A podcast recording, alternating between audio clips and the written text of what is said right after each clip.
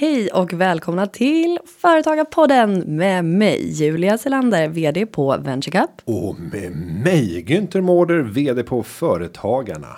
Och i denna veckans podd så har vi faktiskt tvingat tillbaka Henrik Fexeus för han gjorde ju sån succé förra veckan, eller hur Günther? Äntligen! Äntligen! Men naturligtvis kommer vi även att avhandla i vart fall en lyssnarfråga, även om det blir mycket Henrik även den här veckan. Ja, med det så sparkar vi igång detta avsnitt och säger välkommen till Företagarpodden. Och först av allt så tänker jag innan Henrik får komma in att vi avhandlar en lyssnarfråga och hur gör man för att eh, bli en av dessa frågeställare och få kanske sitt namn upphöjt i evighetens eh, ljus. I evighetens ljus. Jag vet inte. Ja, jag vet inte hur man gör det Günther, men eh, jag vet i alla fall hur man ställer en fråga i Företagarpodden och det gör man Upplys på oss. följande vis. Du kan använda hashtaggen Företagarpodden med ö på Twitter eller Instagram. Och har du en längre fråga så kan du gå in på.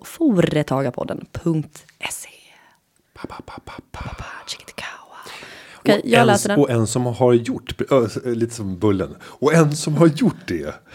Det är inte namnet, jo det är det faktiskt, för det är Bea som ställer frågan. Mm. Från Göteborg. Vad har Bea ställt för en fråga? Ska jag läsa den på göteborgska? Eh, Nej. Jo, jo, jo, jo. Alltså, det är inte okej för mig, men det är okej för dig. Det är faktiskt okej för mig. Gud, jag känner redan nu att Bea som lyssnar på den här frågan känner att jag har liksom försmutsat hans fråga. Jag ber om ursäkt, men nu håll i er, nu kommer den. R- bred. Hallå, hallå och tack för en bra podd. Jag har ett AB som jag inte längre har någon aktiv verksamhet sedan eh, 2013. Eh, det vill säga ingen momsregistrering, inga anställda, inga intäkter etc. Det enda jag gör det är att förvalta värdepapper till ett värde av 2,5 miljoner och tar ut utdelning enligt 3.12-reglerna. Nu till min fråga, kan jag ha kostnader i ett bolag som inte har någon aktiv verksamhet? Till exempel intern representation, middag med respektive tillika styrelseledamot, inköp av elektronik, telefon, dator, iPad etc. MVHBA. Och nu vill vi också säga så här, det här var inte något hån, det här var en hommage till, kanske inte bara BA utan det som jag känner varje dag, saknaden efter min forna hemstad. Eh, men tack för en bra fråga. Eh, vad säger du på, på frågan Günther? Jag säger ja. Du säger ja? Jag säger ja. Det är ett rakt svar, Så vi det går, går bra. vi går vidare. Nej, eh, men viss nyansering ska också tilläggas. Eh, det är helt okej att dra alla kostnader som behövs för inkomsternas förvärvande. Och nu kommer den här, så här samlade bedömningen. Du måste kunna titta på varje kostnad som du tar i ditt bolags som du bokför i ditt bolag och kunna hänvisa till att det här har varit helt nödvändigt för att skapa den avkastning som det här bolaget ska ska generera och som är grunden för dess vinst. Och sen kan vi säga att eh, BA, BA använder eh, 312 reglerna och då innebär det förmodligen att eh, ja, det måste vara så eftersom, man, eftersom personen inte tar ut någon lön att man använder förenklingsregeln och det gör att eh, personen kan plocka ut eh, förra året det var väl ungefär 163 000 kronor till 20% skatt. Men om vi då börjar titta på olika saker. Vad, inte- vad, vad är rimligt? Ja, men en dator. Jo, men om personen lever på att investera i det här bolaget. Ja, men självklart om du inte gör det över en telefon. En gammal sån där. Du vet med man drog fingret. En sån har jag aldrig sett. Nej, Nej men det är väl kanske inte så rimligt. Men jag tänker eh, en dator. dator Mm. absolut. Men eh, köpa fem stycken iPads till sina barn i julklapp. Nej, eh, det är svårt att motivera, men däremot en iPad till sig själv, ett mobil, en mobiltelefon. Ja, det känns rimligt. Ett ett bredbandsabonnemang. Ja, det är också rimligt. Vi, Middagar. middag med respektive tillika styrelseledamot. Alltså Ah, nu, är nu är vi det gråzon. Nu är det gråzon. Och, och då handlar det mycket om. Ja, om din respektive eh, är av en sådan kaliber att personen kan eh, antas vara starkt bidragande till ditt förvaltningsresultat och att det dessutom i samband med de här middagarna som gärna då ska ha varit ett någon typ av möte och som också ska rymmas inom ramen för eh, ja, det beror ju på om du vill ha avdragsgillhet eller inte, men där om, om du vill ha avdragsgillheten så gäller det att vi ligger inom ramarna som Skatteverket har fastställt för de olika måltider som man kan äta. Men du bör ha en dokumentation från de här eh, begivenheterna där det tydligt framgår att din partner har starkt bidragit till eh, utvecklingen och kommit med idéer som är av värde att betrakta som värde för företaget. Välkommen till denna styrelsemiddag. Eh, Då vill jag att du älskling tar upp eh, punkt nummer tre här. Eh, men ja, det känns ju lite lurigt. Men Nej, så- kan man inte säga att så här, men vadå, min hustru eller man, det är min musa. Utan den så kan inte jag göra de här investeringarna. Och jag kan inte, jag kan inte förklara det närmare än så. Nej, jag, jag, jag varken vill eller kan gå, gå djupare in på frågan. Tror du att Skatteverket köper det? Ja, eller som, som Frank Andersson lär ha sagt. Jag ska inte ens säga det. Ni får, Din uppfattning är att han har sagt så här. Mm, Min uppfattning är att han har, ha- att han har sagt efter att han försvann efter eh, det var väl OS eller var det någon VM final oavsett eh, brottning. Och eh, kuken ska sitt. när, när, när han blev uppsökt efteråt. Bara, var är det du har varit? Han varit borta i 24 timmar. Liksom. Var försvann du? Bara, Eh, min upplevelse är att han har sagt så. Din upplevelse är det? Mm. Men Min upplevelse är att jag känner mig obehagligt emot efter denna kommentar. ja, Du går vidare. Det gör vi. Men, men, men jag tror att andemeningen har gått fram med all önskvärd tydlighet. I just den här enskilda frågan. Varenda kostnad som tydligt kan kopplas till någon form av nödvändighet för inkomsternas förvärvande. Ja, då är det faktiskt okej att ta de kostnaderna. Det kan ju även gälla typ analysunderlag som du behöver. Du kan argumentera för, men du, du bör ju skriva ner en sån motivering. Till exempel tidningsprenumerationer. Jo, men du behöver ha allmänkunskaper om tillståndet i världen. Och därför så skulle tre stycken pre- prenumerationer. Ja, tveksamt. Om du kan visa att det är kursdrivande. Om du investerar i bolag som är beroende av den värld. Där du kan få ta del av information som är kurspåverkande i den här typen av tidningar. Ja, absolut. Men jag tror inte det i det här fallet. Tycker jag att du är lite sen, negativ. nej, sen Nej, tycker jag men- så här, håll på marginalens sida. Håll inte på, Nej, håll det- inte på. men det är det jag känner också. Så här, det känns som att eh, det här är en sån typisk grej som som när, när jag var liten, så här, någon polare som hade så här, ah, men mamma har det här företaget, bara, nej men jag ska få en ny mobil, jaha gud vad avundsjuk jag är, ah, hon tar det på företaget. Och då blir det så här, hon tar det på företaget. Ja, det de är liksom bevingade det är så här. ord, man bara, ha gud hur funkar det egentligen, ingen vet, men man bara tar det på företaget så liksom så här, Ja. så funkar det bara. Det eh, men, men håll er på rätt sida lagen för guds skull. Gråzonen finns till, men sköt det snyggt. Ja, och sen tycker jag även att det ankommer på varje enskild företagare att ta ett bredare ansvar eh, även för kollektivet företagare. För att uppfattningen kring företagare är ju den samlade uppfattningen hos allmänheten. Och börjar man se enskilda företagare som ligger långt ut på, ja det är ju inte ens gråzonen om du börjar ta kostnader som inte är hänförliga till verksamheten. Det, Nej, det, är det det är faktiskt ett, ett brott du begår. Det är inte rimligt. Det det är högst orimligt. Det är orimligt. Ja, det är orimligt. Men jag tänker också så här, herregud. Eh, Alltså, en liten middag hit eller dit. Det kan man väl ha råd att bekosta själv Men om man förvaltar sitter man med värdepapper. två och en halv miljon. Det är, inte, det är inte synd. Det är inte synd om BA. Bjud din käraste, käraste på Rish ändå. Ja. Och ha det gött. Eller kanske i Göteborg. På kometen. Nej men, nej. Fett. Vill du veta en rolig grej? Ja. Ja, kometen. Eh, det här är faktiskt väldigt roligt. Men eh, en av pappas, pappa är ganska närbekant med Leif Lukat Olsson. Självklart. Självklart, Ja. det är alla i. Det är alla i Göteborg. Nej, det är sant, han var med när pappa fyllde 50, det var ashärligt.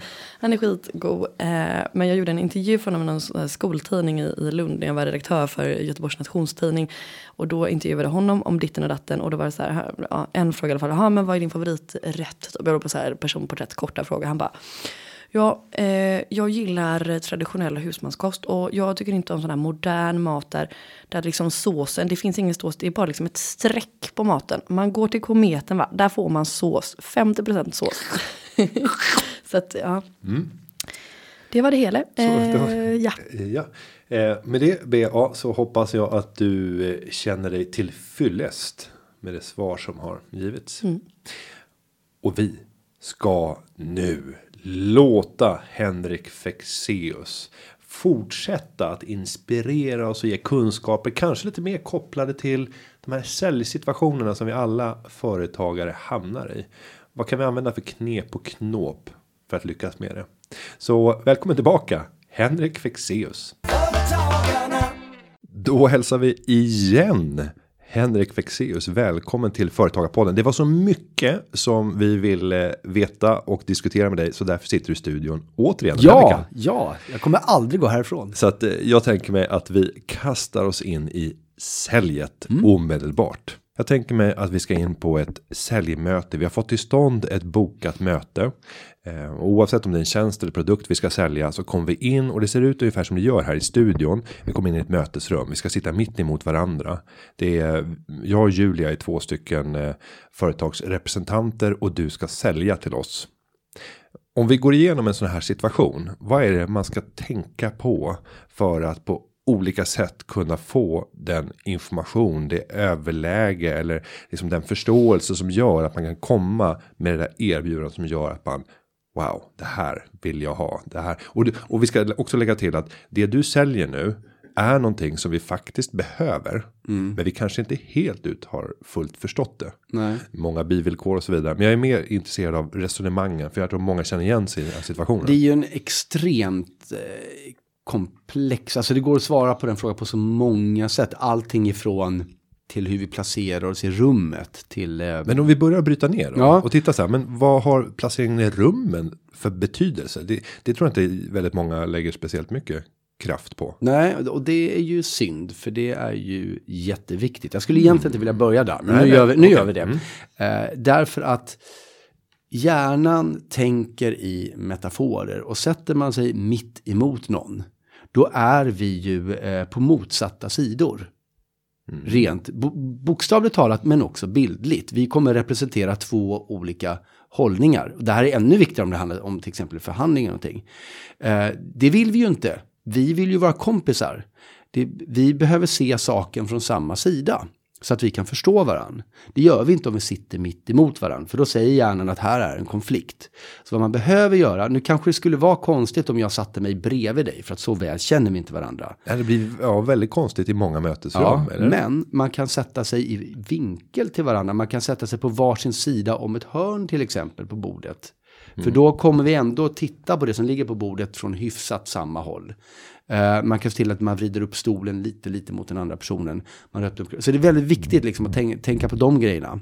Uh, att ha ett öppet kroppsspråk, att inte blockera sig. Uh, men sen, sen sa du det här med att det är någonting som ni behöver, men ni kanske inte riktigt vet att ni behöver det. Det första som måste ske, och det, alltså, jag är ju inte säljare, men det här är ju så här grundkurs på något sätt. Det första är ju att vi måste alla vara överens om att det jag erbjuder matchar ett behov ni har. För kan vi inte hitta det, ja men då, eh, då spelar det ingen roll. Då kommer jag aldrig kunna sälja någonting till er.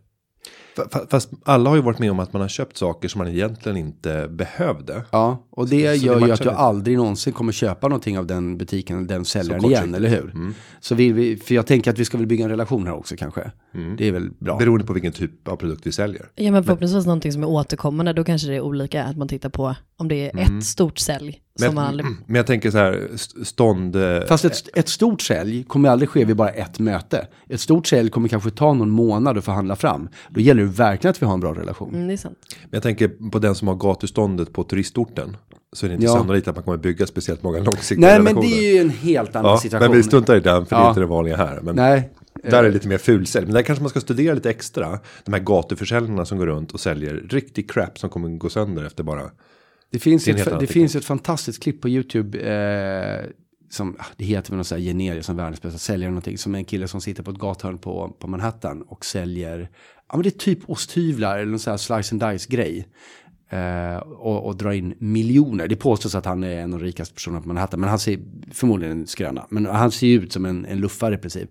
Men uh, jag råder alla att gå in och titta på den här säljtekniken på den här gatusäljaren. För att det är fantastiskt. Och han apropå fulsälj, man upplever verkligen inte att han fulsäljer, utan vad han gör är att han, trots att han kör det här gatusäljet och det här jätterappa, snabba, eh, verkligen lyckats formulera behovet hos alla som tittar. Om ni tänker efter, det här är ju vad ni behöver i de här, de här situationerna. Och även jag som tittar på det, fan han har rätt, det där, det, det, det är helt, jag känner igen mig i det här. Och så förklarar han perfekt varför den här produkten eh, fyller de här behoven. Så till den grad att man själv känner bara, jajamän det gör jag, jag hade ingen aning om det här. Äntligen! Och sen kommer mer säljare, liksom, köp fem stycken därför att. Och man bara, ja, det är nog lika bra. Och vilken ärlig kille som berättar det här för mig. Man bara känner sig så här räddad av honom. Uh, och sen kommer folk liksom att, att kasta dollarsedlarna på honom. Det, det är magiskt. Det här, det här klippet ska vi leta upp sen och så ja. lägger vi upp det på, på Företagarpoddens eh, sida. Så gå in på företagarna.se avsnitt 102 så bäddar vi in det här klippet efteråt. Men om man inte är i den situationen då? Mm. Eh, då som sagt, jag måste se vad ert behov är. Och problemet är att ofta, kanske inte ofta, men många gånger så har vi inte helt koll på vad vi har för önskemål, vad vi har för behov egentligen. Vi tror kanske att vi vet det, men, men eh, eh dels så kanske, kanske det är så att vi förväxlar eh, behov med, eh, med, med strategi. Alltså det vi... Eh, eh, så här, jag tror att mitt behov är att jag vill ha fönstret öppet. Eh, nej, det är min strategi eller min ståndpunkt som uppfyller mitt behov av att jag vill ha frisk luft i rummet. Eh, och det kanske inte är så att, att, eh, att jag kan sälja på er ett öppet fönster. Men vet jag att ert behov inte handlar om ett fönster, att ert behov är frisk luft, så kan jag sälja på er min ventilationsanläggning. Så att det gäller att förstå det, det grundläggande behovet bakom de önskemål som uttrycks. Och det behovet hittar man ofta genom, det här var ju någonting som jag tror att det var Toyota i Japan som tog fram det, att man ställer frågan varför fem gånger. Mm. Varför vill ni ha det? Och varför vill du ha det då? Intressant, vad, vad gör det för dig? Och efter ungefär fem sådana frågor, då börjar man hitta det grundläggande behovet. Eh, och då kommer kontrollfrågan, så att om jag erb kan erbjuda dig det här nu, då är det då en produkt du vill ha. Och då kanske den här personen säger, nej, jag vet inte riktigt, måste tänka på det. Och då betyder det att det finns ett ytterligare behov där som de inte har identifierat. Då får man hjälpa dem med det. Så det är liksom första steget, att identifiera vilka behov är det som egentligen ska uppfyllas. För det kan ju vara så att man upptäcker att det här som jag nu har att sälja, som vi båda först tyckte verkar bra, kanske egentligen inte uppfyller ditt behov på det sätt som du behöver, men då kanske jag har någonting annat som är bättre. Så att det är steg ett. Um, sen så, uh, vad ska jag hitta på mer? Sen, men, ja. men nu har du gått direkt in på så säga, behovsanalysen. Ja. Eh, sen är det ju vissa säljare som hävdar att äh, lägg allt sånt där åt sidan. Ta bara reda på vad den här personen går igång på som du ska möta. Mm. Och vad är det som sammanbinder er rent hobbymässigt, intressemässigt. Vad är det du kan börja prata om? Mm, men det där är en helt annan grej. Ja. Men det som personen går igång på. Det, det, kan ju ha med behov att göra. Om man, Förhoppningsvis egentligen. Man tänker nu. Ja, om man är bilförsäljare liksom. Om mm. någon går igång på, på en fräsig racerbil. Ja, då kanske den här personens behov är att få känna sig ung eller viril eller, vad det nu är. Mm. Uh, och då är, det, då är det bra att veta det. Men absolut, vad folk går igång på är en signal på att man har hittat uh, någonting som tillfredsställer ett behov. Men det är just det att om det du har, det kan finnas andra saker som uppfyller samma behov och som kan vara ännu bättre. Det är det jag menar. Så det är bra att ta reda på det. Sen där hobby, ta reda på vad man har för hobby. Det handlar ju bara om så här genvägar in för att skapa en känsla av att du och jag är ungefär samma person. Vi gillar samma fotbollslag, liksom samma musik. Så vi kommer ha samma smaker. Så att om jag säger att någonting är bra kommer du tycka att det är bra för vi gillar ju samma grejer. Det är ju liksom att försöka shortcutta in till det. Och det är ett extremt eh, kortsiktigt skulle jag säga. Men eh, eh kortsiktigt sätt att bygga den här relationen på. Det betyder inte att det inte är effektivt. Men det är ju väldigt, väldigt ytligt. Och vill vi ha någon form av mer förstående relation, vi kanske ska träffas mer än de här 30 minuterna i bilhallen. Då, eh, då räcker det där inte riktigt till. Men, men jag ska absolut inte förringa det. Men om vi tar när du säljer och är ute i en leverans. Det kan ju vara en föreläsning. Du sitter mm. med hundratals personer framför dig. Du kommer ut till en ort och då kanske det här är eh, en plats där de flesta människor kommer ifrån för att det är ett företag på plats eller liknande. Mm. Använder inte du de här knepen? Jag försöker ju alltid börja en föreläsning med att liksom ibland till och med forcerat förklara varför just den här orten mm. eh, är lite speciell för mig. Mm. Och så finns det alltid någon story man kan dra. Eh, även om man får skarva rätt ordentligt ibland för att förklara varför det här känns så speciellt att stå här just idag. Men jag, jag föreställer mig att det där är rätt uppskattat. Och, och, och, just att dra en story där man får hög igenkänning. Där det också blir en känsla av att här är en person som faktiskt har lite koll. Som har mm. mäktat med och eller har, inte läst på utan vet saker. Sen kanske i själva verket jag har en bok om alla orter i Sverige. Där, där man går igenom i ett näringslivsperspektiv. Varför ser den här orten ut som den gör? Ehm, Ja, men, och det är jättebra. Jag gjorde för många år sedan min, första scenturné som heter Sinnescirkus. Där började jag med att jag tackade publiken att de kom hit just ikväll. Därför att det fanns ju andra saker ni kunde valt att göra. Och sen gick jag igenom allt annat som hände på stan just den kvällen. Mm. Uh, för att jag hade suttit och läst lokaltidningen. Liksom. Eh, det är lite problem på mindre orter där det inte händer så mycket annat. Men, men, eh, men och det är, ju, det är ju bra därför att även om folk inser att ah, ja, men den här Günther, han har väl bara någon bok han har slagit upp det här i. Så har du ju ändå bevisligen tagit dig tid att göra det. Och därmed på något sätt signalerar att den här föreläsningen är viktig för mig. Så ehm, sådana knep är jättebra. Jag gör inte det längre. Jag, jag, är lite för lat för det om jag ska vara ärlig. Och har inte riktigt tiden heller för att jag vill prata om andra saker. Jag tänker att du inte heller behöver det på samma sätt. Där. Fast det är alltid bra att bygga relationer i alla sammanhang. Ja, Däremot så försöker jag alltid eh, när jag träffar mina bokare och de som jag kommer, för de här hundratals människorna som sitter där framme, jag kanske inte kommer prata så mycket personligen med dem. Men däremot pratar jag alltid personligen med mina bokare.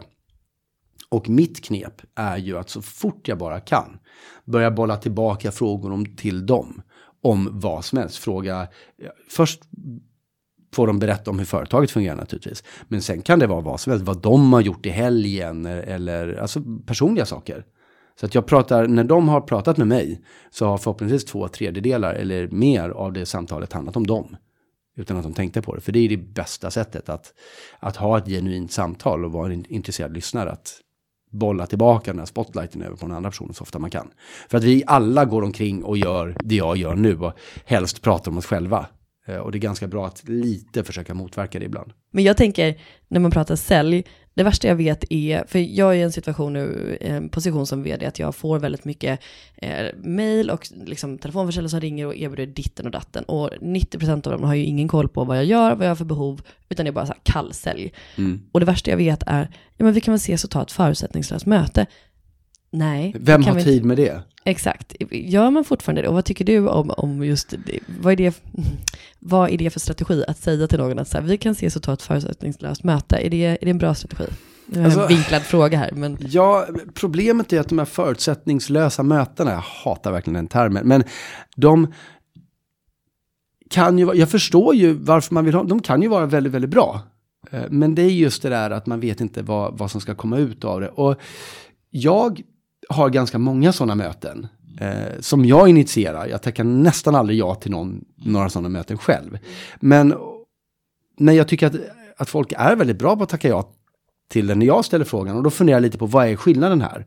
Och jag tror att skillnaden är att när jag får en sån fråga, då är det nästan alltid så här, eller när jag, och när jag tackar nej. Då är det typ, jag har en jätterolig för, företagsidé som jag tror skulle vara intressant för dig också. Kan vi ses på en kaffe? Bara, nej, kan du inte ens skriva liksom, i din första fråga vad det är vi ska prata om? Så är det inte intressant. Men jag brukar ha som rutin att, att jag träffar människor jag är nyfiken på. Och, ehm, och då brukar jag, ett, jag brukar inte be om ett möte. Jag brukar fråga om vi ska ta en lunch. Och jag bruk, har också spesat några grejer att, att uh, du och jag har några överlappande områden, så har vi det inte alls. Jag är väldigt nyfiken på dig. Och jag skulle vilja prata med dig om de här sakerna eh, har du lust att ses på en lunch? Och det intressanta är, att jag har märkt att ju mer uppsatt i någon form av företagshierarki den här personen är, ju mer de har att göra, desto mer benägna verkar de vara att säga ja på den typen av inbjudningar. Därför att det är väl, jag tänker mig att det ligger i deras personlighet då, att hoppa på liksom nya oväntade saker. Men och jag tänker att det är väl det som är skillnaden. Om man hör av sig till någon och säger hej, eh, vi borde träffas och prata om det här. Det skulle kunna vara givande för oss båda. Och sen så kallar man det inte för ett möte, utan det är en lunch till exempel. Då tror jag att det blir lättare än det där. Ska vi, klockan, vi ses klockan tio på vårt kontor för att diskutera någonting som vi inte riktigt vet vad det är. Och så får vi se om det, om det gav något. Nej, det är ju helt värdelöst. Så att jag tror att det kanske det kan fortfarande vara förutsätt, förutsättningslöst betyder ju precis, egentligen med det menar man ju bara att vi ska inte skriva avtal om någonting. Men om man, jag tror att vägen runt är just att be om att träffas och tala om vad det är vi ska diskutera. Så får man väl själv bestämma. Hur skulle du känna om du fick en sån förfrågan? Um, sen beror det också på vem det är som frågar. jag går ju alltid omkring och tror att jag ska bli upptäckt. Ja. Eh, så, att jag, så att jag tänker så fort det ringer så tänker jag nu, nu ringer de, nu ringer de. Sen så ibland gör de det också. Men, eh, så det är en härlig inställning till allt. Men så att vem personen är, eller om jag inte vet vem personen är, vilket företag det är som står bakom, gör ju att jag mm. blir mer eller mindre eh, ja, pepp att träffa den Självklart. personen. Eh, och sen så är ju som du säger att alla möten kan ju vara förutsättningslösa. Och sen även de som säger att jag vill träffa dig på ett förutsättningslöst möte. Jag tror att de någonstans har förhoppningen av att skriva ett avtal. Mm. Eh, om det passar. Men jag skulle, ja, det beror också lite på vad jag har för, för tid. Och det är nästa fråga, hur gör man? För att jag upplever själv att en av de stora tidstjuvarna i mitt liv är när man vet att så här, men jag och Henrik, vi ska ses någon gång nu under våren.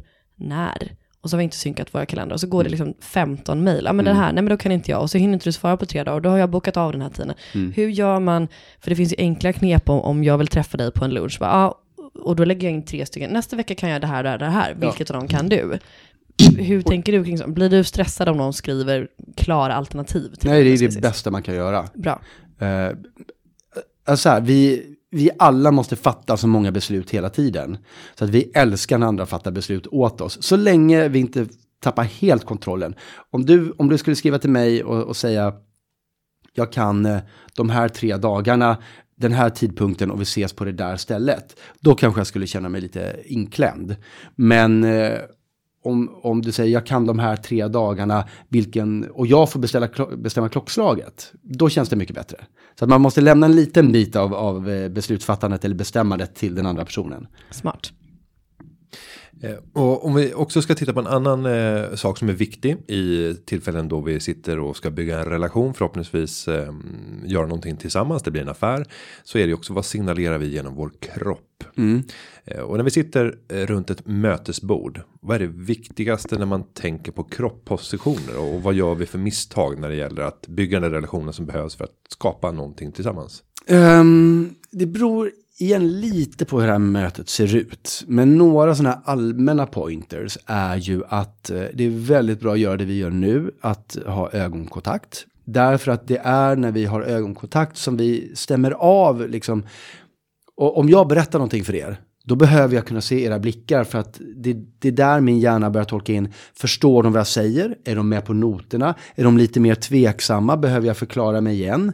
Allt det här förstår min hjärna genom att titta på hur öppna ögonen är eller hur mycket du kisar, huruvida du lutar huvudet, huruvida du nickar, huruvida du tittar åt ett annat håll. Jag läser in allt det. Problemet är att om ni istället skulle sitta och skriva på varsin laptop nu, då har jag ingen aning om, om ni liksom sitter i Minecraft istället. Alltså jag har ingen koll. Så det är en sådär ganska ny grej som har dykt upp nu, att vi börjar missa det här med att vi behöver kunna se varandra i ansiktet när vi har möten. Sen så eh, är det, alltså, ja, ja, men får man ha armarna i kors eller är man arg då? Bara, nej, det finns tusen anledningar till att man skulle vilja ha armarna i kors. Man kanske fryser lite, det är rätt skönt att sitta så. Men vad man måste komma ihåg om man till exempel då lägger armarna i kors, det är att andra kan tro att man är avståndstagande. Dessutom är det så att väldigt många har, använder den gesten att lägga armarna i kors när man ska tänka internt. Alltså man börjar sortera sina egna tankar. Och då har hjärnan lärt sig den kopplingen, vilket innebär att vi, eller många av oss blir mätbart sämre på att ta in information utifrån om vi lägger armarna i kors. För den gesten säger till din egna hjärnan att nu ska du bry dig om dig själv.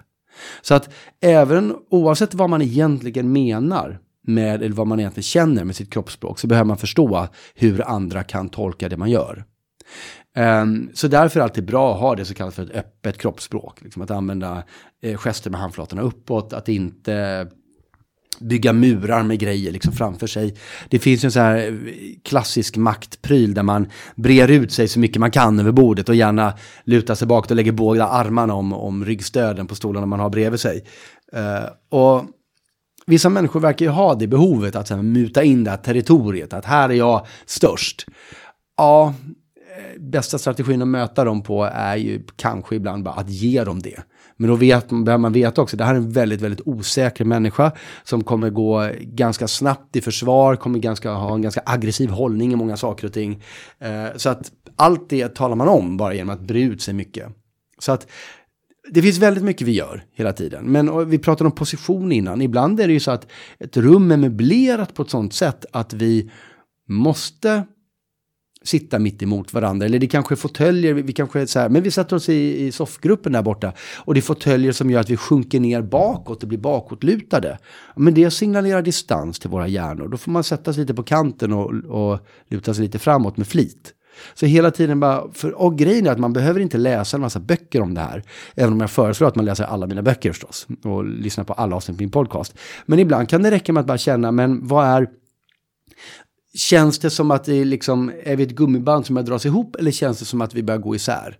Är det avspänt eller är det, eller är det, eh, är det avspänt eller är det spänt? Och eh, att bara tänka sådana allmänna termer så behöver man inte fundera på exakt vad det är som gör det. Därför att man kan korrigera det ganska bra själv. Är det, är det ett vettigt svar på frågan? Ja, ja absolut. Det, det, tycker jag. Sen så funderar jag på med alla de här kroppssignalerna som vi har. Eh, så kan man ju också välja att gå olika långt och jag tänker beröring mm. Eh, är ju också en sån där. De, de absolut skickligaste personerna att beröra mig och då pratar vi så att säga mentalt mm. är ofta de som träder in bakom min barriär och redan tidigt i ett möte gör en beröring som gör att man får en känsla att oj, vi har kommit väldigt nära varandra, eh, men utan att det känns påträngande. Sen så här, i relation till en presentation om man ska presentera någonting att inte använda en powerpoint och visa på tvn i mötesrummet eller på en skärm. För då tittar alla på den istället. Ja, utan eh, sätta sig ner och börja rita. Mm. Så att man plötsligt får sitta väldigt nära varandra och liksom böjer sig över den här lappen och återigen så blir den här beröringen igen. Eh, är det, är det här någonting som jag har överanalyserat? Nej, nej absolut inte. Jag tycker du är helt rätt ute. För det man gör med att visa den här prestationen, ibland kan man ju behöva visa en prestation på den här mm. tvn där borta. Men det man måste veta då är att då kommer vi alla titta på den. Och vi kommer inte liksom, samtalet mellan oss kommer vara ganska haltande så länge vi tittar på den. Så stäng av den så fort det går.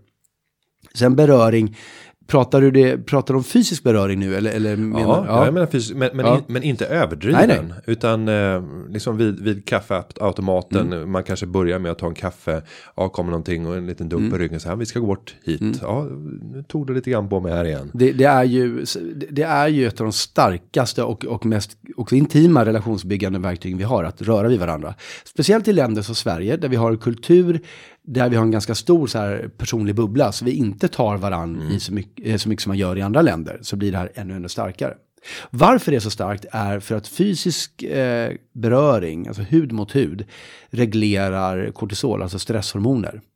Eh, det är därför bebisar som inte får kramar eh, dör.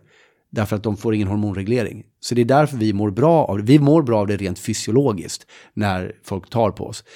Och eh, som du sa själv, man kan ju röra vid människor utan att det blir liksom för intimt eller för insinuant. Det finns områden, liksom axeln, överarmen. Det finns absolut områden på underarmen också. Det finns eh, ställen på kroppen som är väldigt lätta att ta på. Och det intressanta är att eh, folk som är bra på att ta i andra, vi märker inte ens att de har tagit i oss. Vi bara känner att shit vad jag gillar den här personen. Man gjorde, det finns ett väldigt berömt experiment som heter The Midas Touch där man bad servitörer och servitriser när de kom med notan. Så eh, vissa av dem kom bara med notan på en bricka och vissa kom med notan och la också sin hand på, på, på kundens axel eller arm. Ja, med ja. Mm. Eh, och de fick ju alltid mellan 20 till 25 procents dricks medan de mer än de som inte tog i de mm. andra. Och det var det enda de gjorde, den lilla touchen. Men gud vad intressant. Jag är väldigt touchy. Jag tar på folk hela tiden. Mm, jättebra. Men, jättebra. Nej, men, och det är bara för att jag själv gillar... det men det är okej okay, okay när du säger det, det är mindre okej när jag säger det. Var precis det, det, var precis det jag tänkte säga, för det blir också en kombination med vem man är som person. Om jag då mm. som relativt ung tjej lägger liksom handen på dig och inte säger, ah, men vad tycker du, ska vi ta tag i det här nu?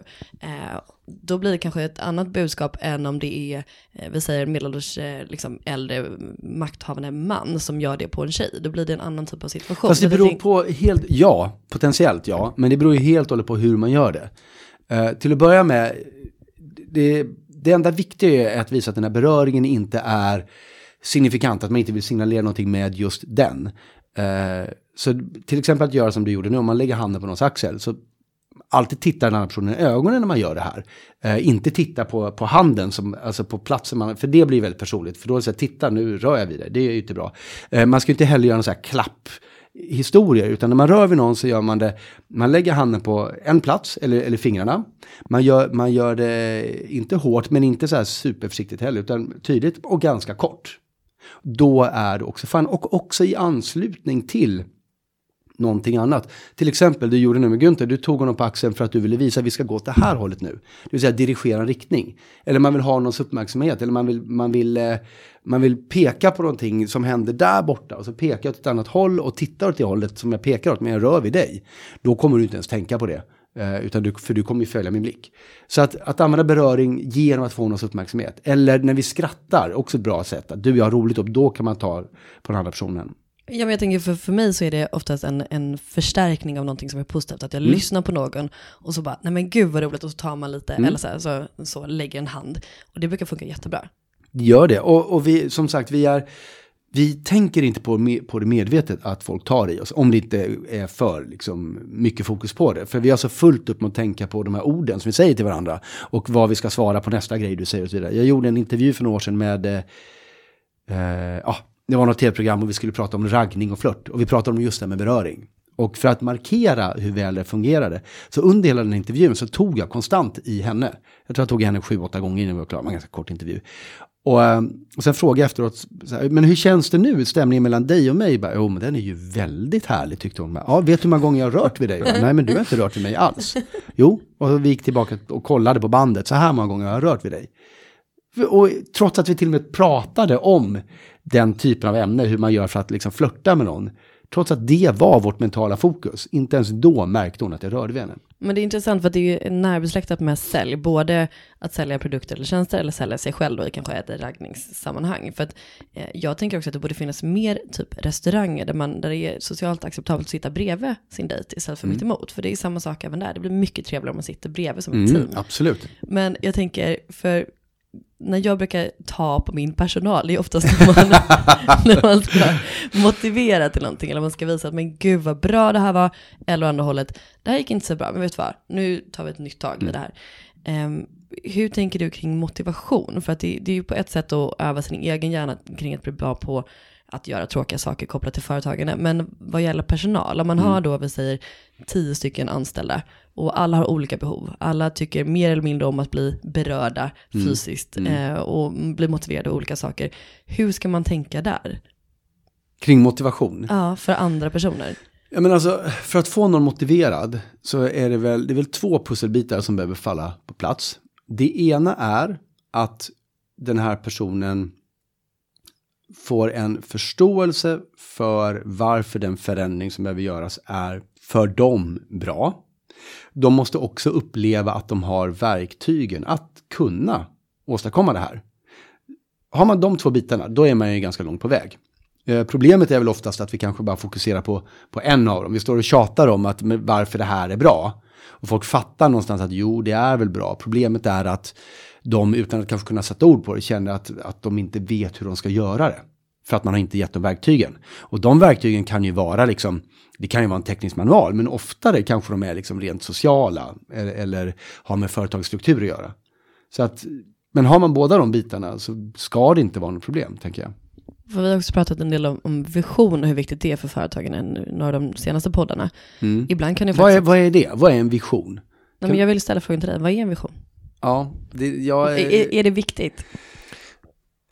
Ja, jag, eftersom jag inte riktigt vet vad det är. Nej, men om, om, om jag ska definiera det så skulle jag mm. säga så här. En vision är en, en eh, dröm om ett framtida tillstånd som utmanar det bekväma nuläget. Mm. Som får utgöra ett riktmärke för verksamheten framåt. Sen mm. måste man bryta ner det här. Det är ju mm. någonting som ska samla en. Det ska föda ett engagemang. Jag ska förstå varför jag gör det jag gör. Mm. Men sen måste vi gå vidare i frågorna hur och vad. Mm. Och då kommer vi snarare ner på den där dagliga basisen. Vad är syftet och vad är planen? Vilka är de mm. kortsiktiga målen? Men att allt det faktiskt kan syfta till att nå det där högre värdet. Om jag ska ta företagarna så är vår vision att vi vill skapa ett samhälle, en jord och ett land som är i bättre skick när vi skänker till framtida generationer än det vi en gång fick till skänks av mm. tidigare generationer. Okej, okay, vad är skillnaden på vision och mål då? Det här är jättesvårt att ha som mål, för det är en väldigt fluffig bild. Eh, Sverige har ju blivit ett, ett rikt och välmående land tack vare att vi har haft framgångsrika företagare som har innoverat nya saker, tjänster som har förbättrat vårt land. Det har drivit ekonomisk tillväxt, det har gjort att vi har kunnat beskatta de här vinsterna och bygga ett av de mest välutbyggda välfärdssystemen. Det hade aldrig varit möjligt om vi inte i slutet på 1800-talet började se hur företagandet tog form. Eh, och om vi ska blicka framåt hundra år och kunna titta tillbaka på den här tiden vi lever i nu och säga att wow, vad gjorde de där under den perioden som gjorde att vi idag har det så bra? Så kommer det vara avgörande. Vilka förutsättningar fick företagare att kunna nå sin fulla potential och fortsätta utveckla det här landet till det där briljansen när det gäller eh, hur vi har byggt vårt samhälle, hur vi innoverar produkter som gör våra liv bättre. Mm. Så förutsättningen är att vi måste hjälpa företag att få de bästa tänkbara förutsättningarna för att vi ska skapa det landet som vi med stolthet skänker till framtida generationer. Mm. Och att det blir lite större, det blir lite häftigare. Mm. När man pratar om det på det sättet och sätter en historisk kontext. Jag förstår hur du tänker. Eh, och det här är, jag tror att min hjärna kanske ägnar sig åt någon kombination av bara, eh, semantisk onani och eh, Um, att jag, som jag pratade om innan, redan när jag var liten, liksom, att jag inte förstod saker som inte var väldigt väldefinierade. Uh, för mig är det liksom att ha en vision, definitionen på en vision är just det där att den är lite luddig. För mig är det helt värdelöst att ha någonting som är lite luddigt eh, att sträva mot. Så att om visionen är, vi ska lämna ifrån oss en bättre eh, värld än, än den är idag du uttryckte det mycket bättre, men om det är visionen. Mm. Då är min första fråga så här, men vad betyder det? Och jag kommer inte vara nöjd med svaret på den frågan för att det svaret är någonting mätbart. Det betyder att vi ska ha så här många fler yrken eller vi ska ha så här mycket mindre koldioxidutsläpp mm. eller vad det än är. Bra, då har vi plötsligt mätbara mål. Mm. För mig är en vision bara ganska otydligt definierade mål. Och mål är, är, är tydliga och de kan man alltid jobba mot. Så folk brukar fråga mig så här, vad har du för drömmar? Jag har inga drömmar. Däremot, ibland får jag idéer. Och om de idéerna känns tillräckligt fantastiska, då börjar jag jobba aktivt mot dem. Då är de ett mål. Om de inte var så fantastiska att jag inte bryr mig om att jobba mot dem, då, då är det väl inte ens realistiskt att kalla det för en dröm. Alltså, då kan det ju inte ens vara en dröm. När jag var liten så var min dröm, och då var det ju det, man kan säga att drömmar är ouppnåbara då, då. När jag var liten var min dröm att åka upp i rymden. Det var min dröm. Men det var då, med det följer, med det sättet att uttrycka mig, så följer någon form av så här längtan att det vore härligt om det var möjligt. Jag skulle fortfarande kunna säga att det är en dröm, men om det var det på riktigt, då hade jag ju börjat jobba för det. Då. Därför det finns fruktansvärt lite i världen som inte går att göra om man verkligen vill. Om man nöjer sig med att kalla det för att det är en dröm, men det kommer nog aldrig bli av. Vad du menar då är att det är inte så viktigt för dig. Mm. Uh, och, och, för mig vision och dröm, alltså jag har samma problematik där. Jag fattar det här med att visionen är det stora övergripande målet. Ja, men berätta för mig konkret vad du menar med det, så kan vi kalla det för ett mål. Är det inte mycket bättre att ha, det känns också som att i vision ligger att det gör ingenting om det inte blir exakt så, för det är någon så här nästan eh, filosofisk liksom, tankebarn. Nej, men om vi nu ska lämna ifrån oss en bättre värld, då tar vi reda på vad det betyder och så gör vi så. Vi har det som ett mål. Är det inte mycket bättre att ha det som ett mål än en vision? Eller, det är väl därför man behöver både och. Eller alltså, bara... Ofta så brukar man ha en, en företagsvision och tillhörande konkreta mål. men jag, fatt, jag förstår det. Jag bara, samtidigt förstår jag det inte. Jag, jag skulle aldrig kunna jobba så. Men jag, jag, ja, även om, eller även om det är tid, ja, men en vision, den handlar ju kanske om, om hela jorden, eller den handlar om 50 år framåt. Ja, men du kan väl ha väl mål som är 50 år framåt, eller en handlingsplan som rör hela planeten. Det... Men det är precis det jag menar, att det finns ju olika typer av eh, vad ska man säga, behov hos även personal i en ja. organisation. Och där har man ju stor makt som, som ledare i den organisationen att sätta. Ska det vara fluffet som vi pratar mycket om eller är det målen? Och för ja. mig så har jag fått lära mig den hårda vägen att jag är ju alldeles för fluffig. Ja. Jag blir motiverad av att så här, men vi ska vara Sveriges bästa entreprenörstävling, vi ska hjälpa så och så många företag att förverkliga sina eh, drömmar. Varför är det viktigt? Och vad ska vi göra på vägen? Vi ska ha det kul tillsammans, vi ska inkludera alla och ditten och datten. Men ganska snart ställer du frågan, och vad betyder det då?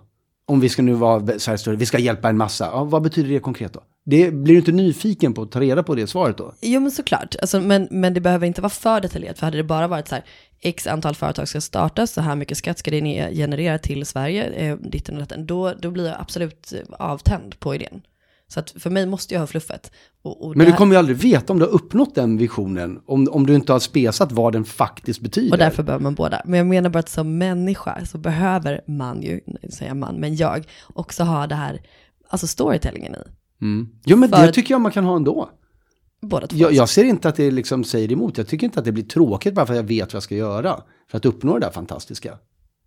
Man har det gött på jobbet och hoppas att det blir bra. ja, nej, men, ja det, det är väl ett säkert recept att inte uppfylla den där visionen då.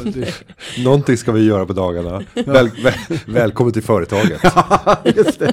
Idag ska vi jobba. Ja. nej, det blir så här Kafka. Nej, men jag, jag, jag, jag, jätte, jag känner mig som att jag är så här jätte... Nej, nej, nej jag ville bara veta din... Liksom. Ja, men, nej, men för mig... Ja, lite. Och det är härligt. Nej, men för mig så, så, är det inte någon, någon motsägelse i det här. För att det du gör, det är att du börjar titta i nivån under. Mm. Eh, vad är det det här betyder rent affärsplansmässigt? Och vad betyder det för vår verksamhet framåt? Att mm. vi målsätter den. Och det kan vara målsatt på fem år, på tio år, likväl som det kan vara på ett kvartal. Men att tillåta sig själv att faktiskt göra definitioner som sträcker sig längre. Så att det uppfattas som att ja, men det är ett avlägset mål dit mm. vi strävar. Så att eh, vad jag försöker jobba med på företagarna när det är så bred målgrupp och det är så 70 000 företagare som är medlemmar. Det är ju att jag måste få med alla mm. och vissa går igång på den här liksom historiebeskrivningen om hur vi fick det så bra och berättelsen mm. om de företagare som tog för sig och fick möjligheter rent institutionellt. Hur deras företagsamhet eh, att man gav plats för den i samhället. Eh, medan andra vill höra mer konkret att eh, vi behöver företag som är mer lönsamma än genomsnittet i, i övriga världen. Vi behöver mer snabbväxande företag. Vi måste växa på en internationell marknad så exporten är det vi ska mäta när det gäller vår förmåga att faktiskt kunna erbjuda någonting som innebär att vi kommer få det bättre i Sverige och så vidare. Så man kan konkretisera och det tycker jag man ska göra. Men just för att kunna nå så många som möjligt att ha så många olika tilltalssätt. Du har ju fått höra min tonsatta vision också. Alltså det var en upplevelse. det är alltså till tonerna, alltså på, riktigt, musiken till gladiator, eller vad heter det, gladiatorn? Ja, det, The Pacific, en krigsserie. Ja. Och så var det också i bakgrunden, eh, när du pratar i dur, då är det liksom en, en, blå himmel och sen är det lite mer så här, fast vi har utmaningar, då blir det grått och så här. Eh, och tonlagt. Och man märkte också när du började prata om visionen så kommer du in i en speciell röst. Det lade du säkert också Och så nästan bli, så ska jag nästan liksom vid några moment nästan bli tårögd. Ja, ja, det behövs. För att sen bara fyllas av, av kämpaglöd, att det här ska vi lösa tillsammans. Men jag tror att många är rädda för att, att det ska märkas för tydligt. För att det här märks ju jätteuppenbart när man sitter och tar del av det här. Men herregud, det här är så utstuderat. Men man blir ändå påverkad. Men nu är vi nog inne på något intressant. Och det är kanske det här ni menar. Jag ska ju säga det också att jag har ju inga anställda och det kanske märks. Men, men, det går bra övertyga dig själv. Ja, men för nu, börjar ni, nu, för nu börjar ni prata om att väcka känslor. Och det är ju livsviktigt. Och det är kanske det man vill göra med en vision just. Att man vill väcka det känslomässiga engagemanget. Och det engagemanget måste ju finnas. För kan vi inte ha ett känslomässigt, och det är klart att folk kan gå till jobbet ändå liksom, och utföra sina dagliga uppgifter. Men för att liksom göra det där sista, eller ta de här nya kliven, det är ju alltid eh, känslor som motiverar oss till handling. Alltså även rent fysiologiskt, en handling är ju att kroppen ska göra någonting. Och det betyder att den behöver kemiskt eh, och elektrokemiskt aktiveras. Och det gör den av, av det vi kallar för känslor. Som är egentligen kroppen som går igenom olika fysiologiska stadier. Det är väldigt, väldigt svårt att tänka en tanke rent rationellt. Det här borde jag göra, det här är bra och bara därför göra det. Utan det måste till en känsla. Så att, eh, och det är ju då är, det är så starkt så att det är precis som du säger Julia, även om man ser igenom det, bara åh vad det här är manipulerande, så reagerar man på det ändå. För att känslorna är ju liksom, de är ju lättväckta. Uh, så att, uh, well done säger ja, Det vet jag inte, det får vi se i slutändan. Fick det effekt? Men det, det, jag tycker att det känns bra och jag märker att det är en viss grupp av människor som jag annars inte når. Mm. Som plötsligt går igång. När Vil man vilka är de? Kan du definiera dem? Ja, personer som inte går igång på de här mm, strikta målen och, och, som inte berörs av att mäta sig själv, sin egen förmåga, utan leds av vad vi skulle kunna kalla så här mjukare värderingar, så här värderingsdrivna människor, inte resultatorienterade om man kan mm. särskilja dem. Mm. Eh, men de berörs mer av en sån här berättelse medan de här mer om man ska prata färger, de är blåa, logiskt tänkande, kritiskt analyserande. Nej, för dem så blir det nästan lite obehagligt, men om de ser att andra verkar gå igång på det här och det är svårt att inte bli berörd av rätt tung filmmusik och sen så ord som inte går att säga emot. Nej. Nej men det, är, alltså, det är det bästa av två världar. För då först så skapar det känslomässiga engagemanget. Alla känner bara åh vad vi vill! Och så har du redan innan gett verktygen för hur vi sen ska göra det. Mm. Så då blir alla nöjda och glada. Tiden springer iväg här i studion. Jag är extremt tacksam över att vi har fått eh, rå om dig Henrik. Eh, vi hade kunnat fortsätta, vi kanske skulle merge. Jag vill absolut inte att det ska ta slut. Jag vill bara fråga mer saker. Vi, vi kanske borde mergea poddarna. För att uh, få ännu mer spännande content. Eller göra fler sådana här typer av, av möten. Eh, men Henrik, vi skulle vilja tacka å det varmaste. För Tack för att jag fick komma hit. Kommit till Företagarpodden. Det har varit en ära att ha dig här. Och nu kan vi andas ut också. Ja, ja äntligen. Ja, vi behöver inte tänka på kroppsspråket mer. Tack Henrik. Hej då. Och nu har Henrik lämnat studion. Och du sitter nästan lite och småskakar, gör du inte det? Alltså, jag vill dementera det här att jag skulle vara rädd för honom. Jag vill inte förstärka någon slags eh, ja, jag såg, mesig jag såg en ny struktur. av Julia. Och nu tog du upp ditt pekfinger ja, också. Ja, gjorde jag. Och ja. viftade eh, Vad var grant det för med det. Eh, en, en återhållsam och försiktig och lite mer reserverad Julia. Den har du aldrig sett. Inte... Nej, men jag kände lite att så här, den här mannen kan se in i min hjärna och jag ser allt dumt jag har gjort. Så det var därför jag försökte. Du satt där och skämdes. Nej, man ska aldrig skämmas för någonting man gör. Men man ska välja eh, uppträdande efter situation. Så kan man säga. Nej, jag tänkte att jag, jag låter geniet här eh, tala. Och då pratar jag inte om dig Günther, utan jag pratar om Henrik. Du är väl alltid geniet annars. Ett avsnitt kan du väl flytta på ändan, eller? Okej. Okay. Okej, då ja. tror jag att vi gör så att vi jag, jag knyter ihop jag den här dags, Jag tror att det är mer än dags att vi avrundar. Alltså om du skulle bli någon slags eh, hyland eller så i tv eller radio, då kommer det här vara dina liksom, ord. Då tror jag det är dags att vi knyter ihop den Knyt. berömda säcken. Säcken. Vem, mm. vem vill hoppa i? Eh, då, mina vänner. Nej, kära lyssnare, om ni fortfarande är med oss, Tack för att ni har lyssnat och eh, fortsätt ja. skicka in era frågor. Och vi ska säga att underlaget för den här podden har gjorts av Karin Nygård och klippningen den är gjord av Linda Aunan Edvall. Med det, tack för den här veckan. Tack och hej. Höres nästa vecka. Hej hej.